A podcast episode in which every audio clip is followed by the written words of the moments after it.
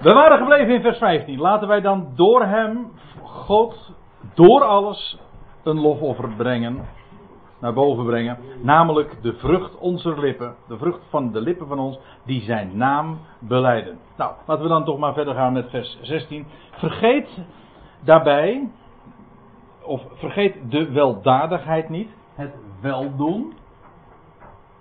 Wat een heel breed begrip is. Het, vergeet het weldoen niet en de mededeelzaamheid. Dat wordt in één adem eh, genoemd. Het verschil is eh, denk ik niet zo heel erg groot. In die zin dat uh, mededeelzaamheid, dat is, daar zit letterlijk het woordje gemeenschap in. Koinonia. Gemeenschap, een eenheid vormen. En daarom ook deel hebben aan elkaar. En vandaar ook dat de concordante weergave, de concordante in de lineair spreekt over een bijdrage leveren. Deel hebben of deel hebben aan. Dus wel doen. Dus eerst werd er gesproken over buiten de legerplaats smaad dragen. Vervolgens over hem de lof brengen die hem toekomt in alles. En, maar dan wordt hier over nog een ander type offer gesproken. Niet als tegenstelling, maar als iets wat daar volledig bij hoort. Uh, de wel, het weldoen aan elkaar. Nou ja, dat, zelfs dat staat er niet eens. Het weldoen aan elkaar, gewoon weldoen. Goed doen en het meedelen, het bijdragen in de gemeenschap. Dat kan financieel zijn, maar dat uh, hoeft helemaal niet. Elke bijdrage die je levert aan de gemeenschap is uh, een mededeelzaamheid. Vergeet dat niet. Dat hoort erbij, want staat erbij, in zulke offers heeft God een welgevallen. Eerder slagen ze in het voorgaande vers over offers die God welgevallig zijn, namelijk de vrucht van onze lippen. Hier wordt over de daad gesproken, namelijk weldoen, deel hebben aan de gemeenschap. Want het uh, zijn twee kanten van één zaak. Twee kanten van één medaille, om zo te zeggen. En staat er dan, vers 17, gehoorzaam. Ja, nou moeten we toch eventjes uh, de puntjes op die zetten natuurlijk, hè. Gehoorzaamt uw voorgangers. Degene die jullie leiding geven. We zijn het woord al eerder trouwens tegengekomen. We zullen het nog een keer tegenkomen. We kwamen het in, wat welk vers was het?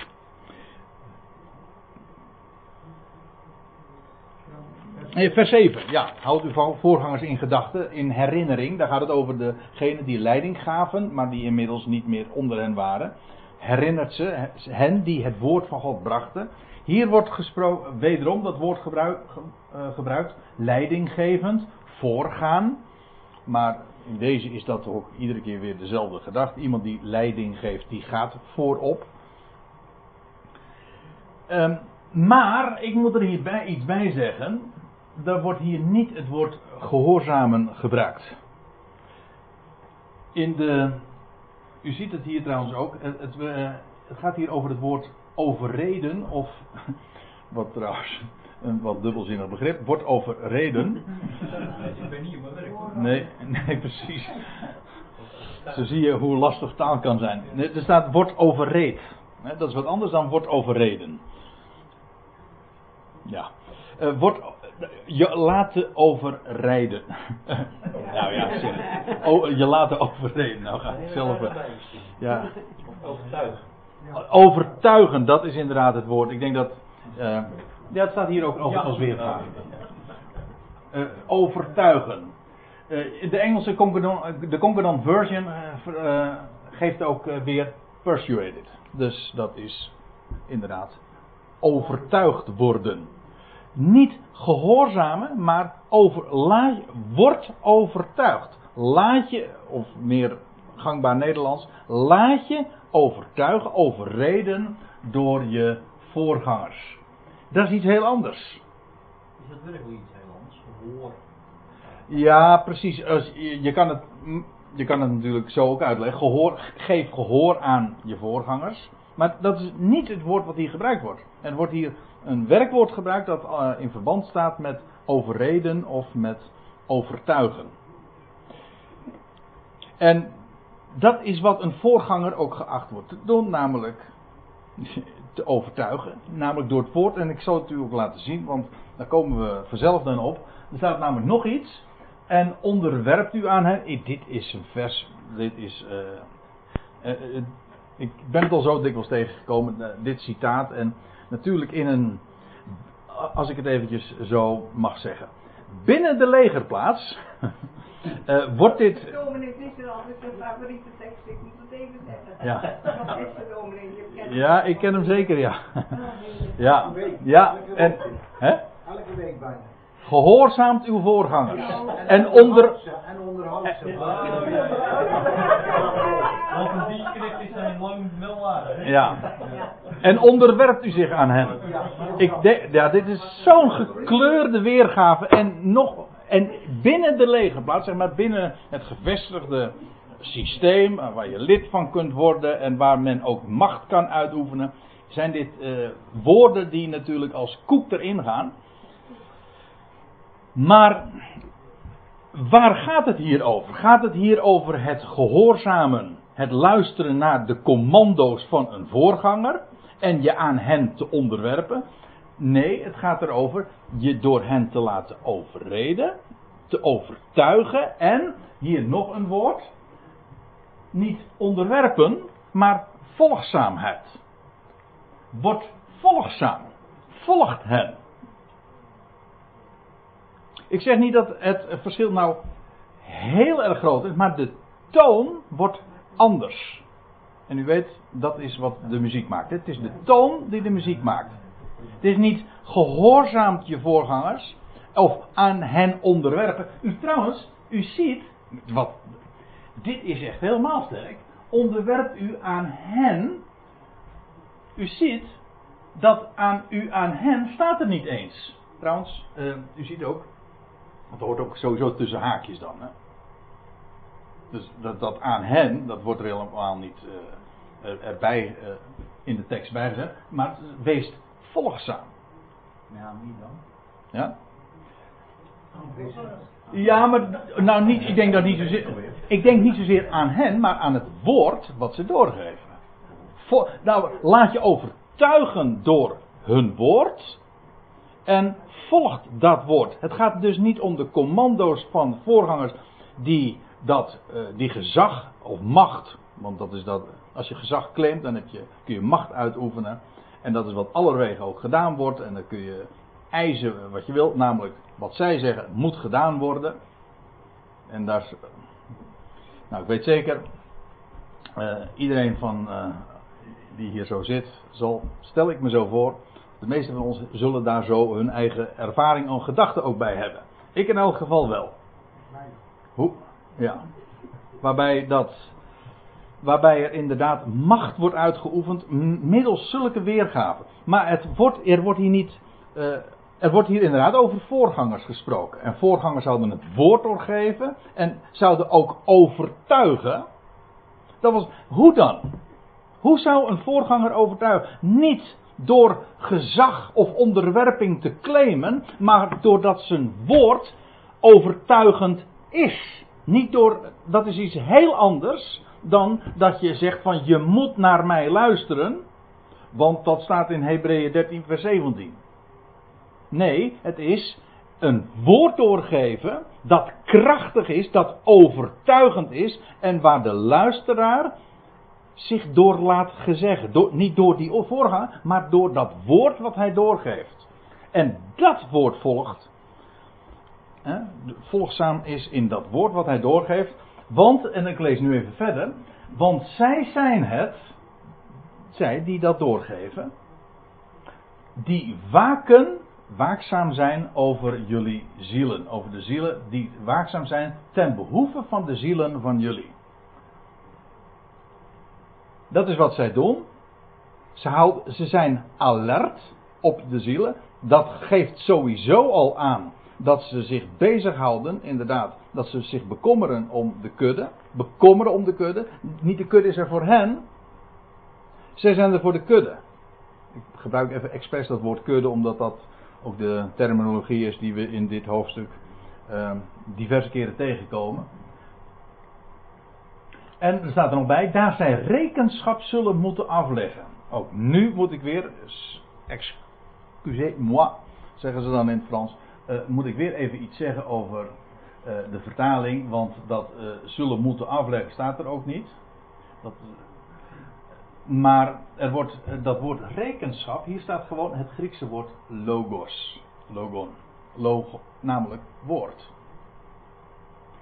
Daar zij, als je dit letterlijk weergeeft, daar zij als woord zullende afgeven. Ik geef toe, dat is natuurlijk niet een echt lekker lopende Nederlandse zin. Maar dat is wat die voorgangers doen. Namelijk logos. Doorgeven. Dat geven ze door, dat worden ze ook geacht te doen. Wat wordt een voorganger geacht te doen? Gehoorzaamheid te eisen? Of onderwerping? Nee, wat ze hebben te doen is woord af te geven. Dat is wat ze. Dat is ook waar ze, waar ze toegesteld zijn. En niets anders. En dat woord van hen. Of het woord wat zij. Niet woord van hen. Maar het woord dat zij doorgeven. Ze zijn niet meer dan een doorgeefluik. Dat zou krachtig zijn. Hoe zou, het hoe zou dat woord krachtig zijn? Anders dan doordat het overtuigend is. Gewoon. Ik, ik, geef niet voor niks uh, die verwijzing naar 4 vers 12. Want daar wordt gezegd dat het woord Gods. Logos. Staat hetzelfde woord.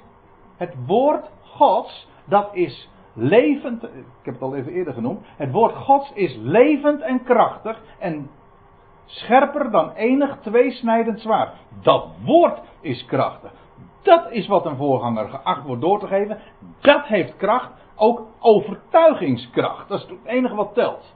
Dat is heel wat anders dan een menselijke claim of macht opleggen aan mensen. Mensen zijn, laat mensen alsjeblieft vrij. En het woord van God is het enige wat doorgegeven zou worden. En ook de mensen zou overtuigen.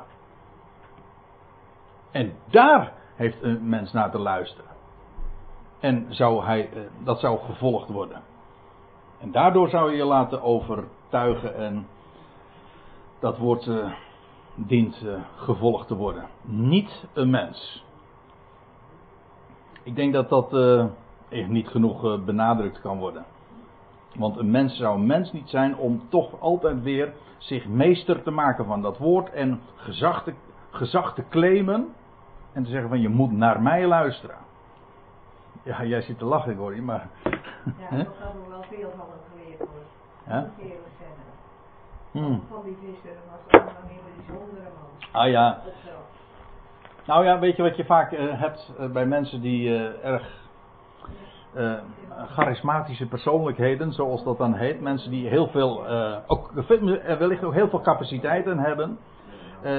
Dat kan, en als ze dan ook op een voetstuk nog worden gezet door anderen, want het is deels natuurlijk dat wat ze misschien zelf doen, maar ook het, gehoor kan daar heel gemakkelijk ja, door meegesleept worden. En dat ook zo iemand die erkenning te geven op een voetstuk plaatsen, nou, dat, dat, dat krijgt afgodische trekken. En dan gaat het niet meer om het woord. Ja. De broederraad, hm? als je recht had om wat te zeggen, dat kan niet doorheen. Zo sprake van Moraal. Nou, dan was hij, uh, dan was het, begon hij te kuchen en dus, uh, dan zag je naar zijn ogen dat hij niet wilde. Ja, ik, ik ken exact zulke, uh, alleen dan niet uh, specifiek. Ik, ik, wil, ik, heb, nee, ik wil, laat ik even duidelijk zijn, ik wil even geen namen noemen daarin. Laat, we, laat het zuiver houden. Jij mag sorry. Ja, nee, maar het gaat nou niet specifiek om, om, om, om, om wie dan ook. Maar het is een, een, een trek die je uh, allerwege ziet. En uh, dat ligt altijd op de loer. Van iemand die het woord doorgeeft, dan ben je geen dienaar meer van het woord, maar dan word je met recht een dominee. Hè? Ik bedoel dat in de zin van een, een dominee, het Griekse of het Latijnse woord voor een heer. En daar heeft de, het werkwoord domineren dan weer ook direct mee te maken. Gewoon iemand die heerst. Dan ben je geen, dan ben je geen dienaar van het woord. Waardoor het woord overtuigt. en zijn kracht bewijst. Nee, dan word je zelf op een voetstuk gezet en dan ga je zelf onderwerping claimen en gehoorzaamheid eisen. Nee, het gaat om dit. Ja, nee, dit, logos, niet rekenschap. Um, Anders ja? dat ook niet goed bedoeld kunnen zijn. Ik bedoel gewoon vanuit een stuk verontrusting naar degene die op dat moment ja, jou volgen, om zo maar even te zeggen in het woord. Ja. Ja dus om te beschermen, om. Ja, ik denk dat het. Om, ik denk meer het narcisme met uh, ja. die um, ja, Ja, maar nou ga je echt heel erg uit dat iemand alleen maar een heel, heel, heel slecht. Uh, nee, slecht ja. ja. mensen willen alles netjes op de rails houden, weet je, alle, alle dingen in de kruiwagen. Ja. Maar dus, de kerk heeft natuurlijk door jaren heel veel macht, maar ja, maar wat, uh, wat Ed nu uh, zegt is dat daar uh, hele, van origine goede bedoelingen aan ten grondslag liggen. weet je, iemand is begaafd en we horen toch bij elkaar en ja, je moet toch ook, je, het, het, wordt toch maar een janboel als iedereen zomaar wat kan zeggen, weet je wel. Er kunnen hele, hele valide argumenten genoemd worden. Zeg van ja, hoor eens eventjes, dan moet er toch iemand het voor het zeggen hebben. En, ja. Nou ja, waarom? Als jij bang bent dat je kudde alle kanten op schiet.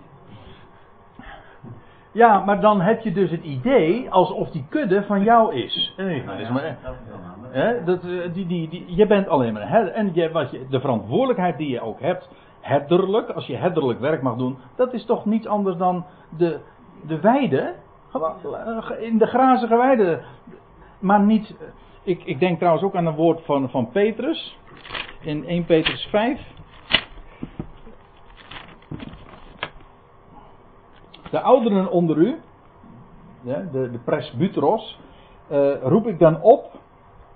Uh, nou, moet ik eventjes doorlezen. En dan staat er. Uh, hoed of wijd de kudde gods die bij u is. En er staat erbij, niet gedwongen, maar uit vrije beweging naar de wil van God. En, dan er staat er nog bij, in vers 3 inmiddels, niet als heerschappijvoerend over hetgeen u ten deel gevallen is, maar als voorbeelden van de kudde. Hè?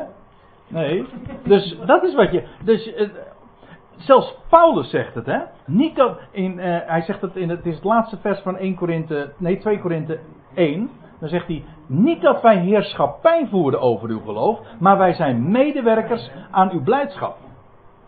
Ik wil hem even voorlezen.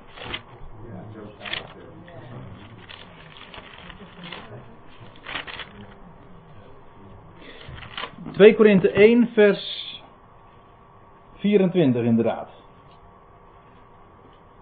Hij zegt niet dat wij heerschappij voeren over uw geloof. Nee, wij zijn medewerkers aan uw blijdschap. Want door geloof staat je vast. Denk je nou niet, denk je nou werkelijk dat, dat jij als voorganger of als herder, dat jij de ander vast zou moeten zetten? Nee, een mens staat vast gewoon doordat hij in het woord geplant is.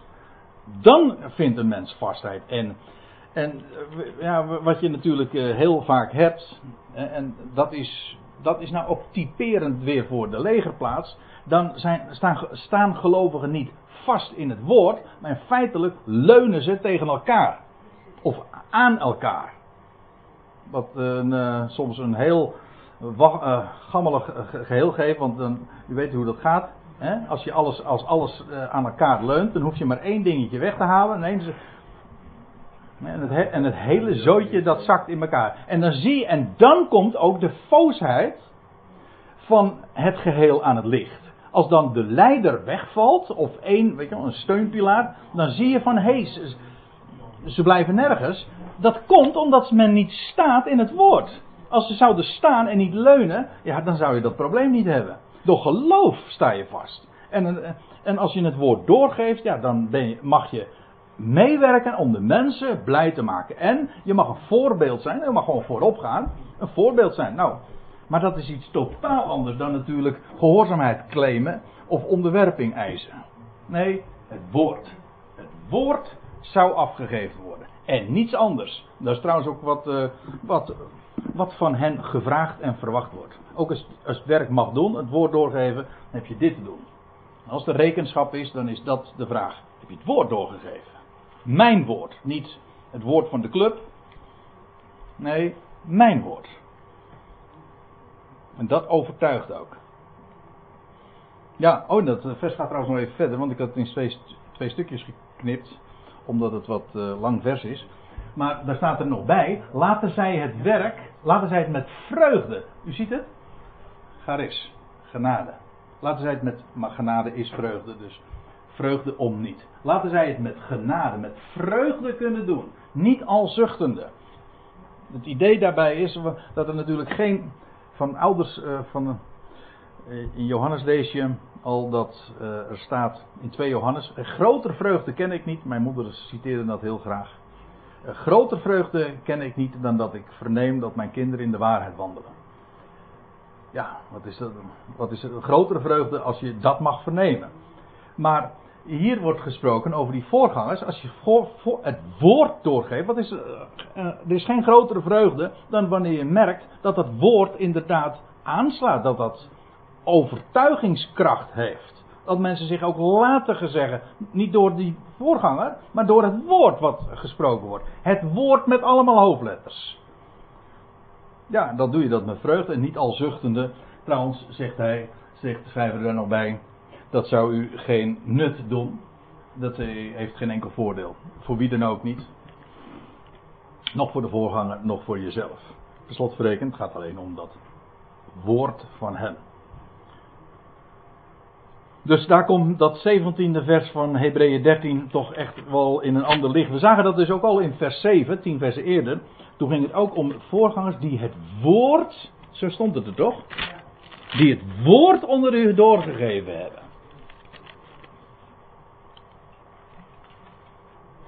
Die het woord Gods tot u hebben gesproken. Ja, nou, daar wordt hier nu weer opnieuw over gesproken. Dat is wat van hen gevraagd en verwacht mag worden.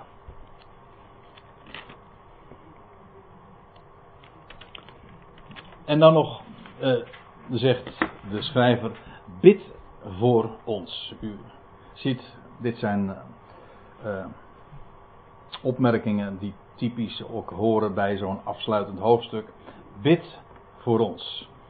En die ons, dat is in ieder geval dus de auteur, uiteraard. Anders zou hij zeggen voor hen. Nee, ik mijzelf in kluis. En wellicht de voorgangers. Waarover al in het voorgaande vers sprake is. En ook Timotheus trouwens. Want uh, van Timotheus zullen we straks nog, of straks, volgende keer, want het gaat echt niet meer uh, gebeuren dat we dit helemaal uh, afronden. Maar ook Timotheus daarvan zegt de schrijver, die, ik, zal, ik zal jullie gaan bezoeken met Timotheus. Tenminste, dat was de planning. Bid voor ons. Schrijft hij vanuit Italië. Maar dat moet ik nog later gaan bewijzen. Maar dat is het laatste, een van de laatste versen van dit hoofdstuk. Bid voor ons, want wij vertrouwen. Ook hier trouwens weer ditzelfde woord. Wij zijn ervan overtuigd. We zijn ervan overtuigd dat wij een goed geweten hebben. Dat is een opmerking die, die geboren is uh, vanuit contrast. Dat wil zeggen, het is weersproken. Hè. Daarbij in, daarbij uh, in alle opzichten de rechte weg willen gaan. En het idee daarbij is dat, hebben, dat kunnen wij getuigen, ondanks alle beschuldigingen en smaad. Die waren met name ook hun deel. Wel, zegt eh, de schrijver, hebben een goed geweten. En ja, zeker omdat de schrijver zelf wellicht en Timotheus, dat hangt er nog even om, maar in ieder geval daar in Italië gevangen zat. Dat was die per slotverrekening ook, om valse beschuldigingen. Hij was gevangen om het woord. Smaad was zijn deel, gevangenschap, martelaarschap, jawel. Maar hij zegt, is om een goed geweten. Hij daarvan ben ik vast overtuigd. Wat de wereld, ook de godsdienstige wereld, ons ook allemaal toedicht. Je, je proeft natuurlijk hier in, in al die zinnen de, de, de spanning, de, de strijd, de achtergrond ook van, van smaad. En de wijze waarop schrijver zich ook hierin ja, positioneert. En zo van ja, wacht even. Het is het woord dat we doorgeven. En daar hebben we hebben een goed geweten daarin. In alle opzichten. In alle opzichten, zegt hij. Ja.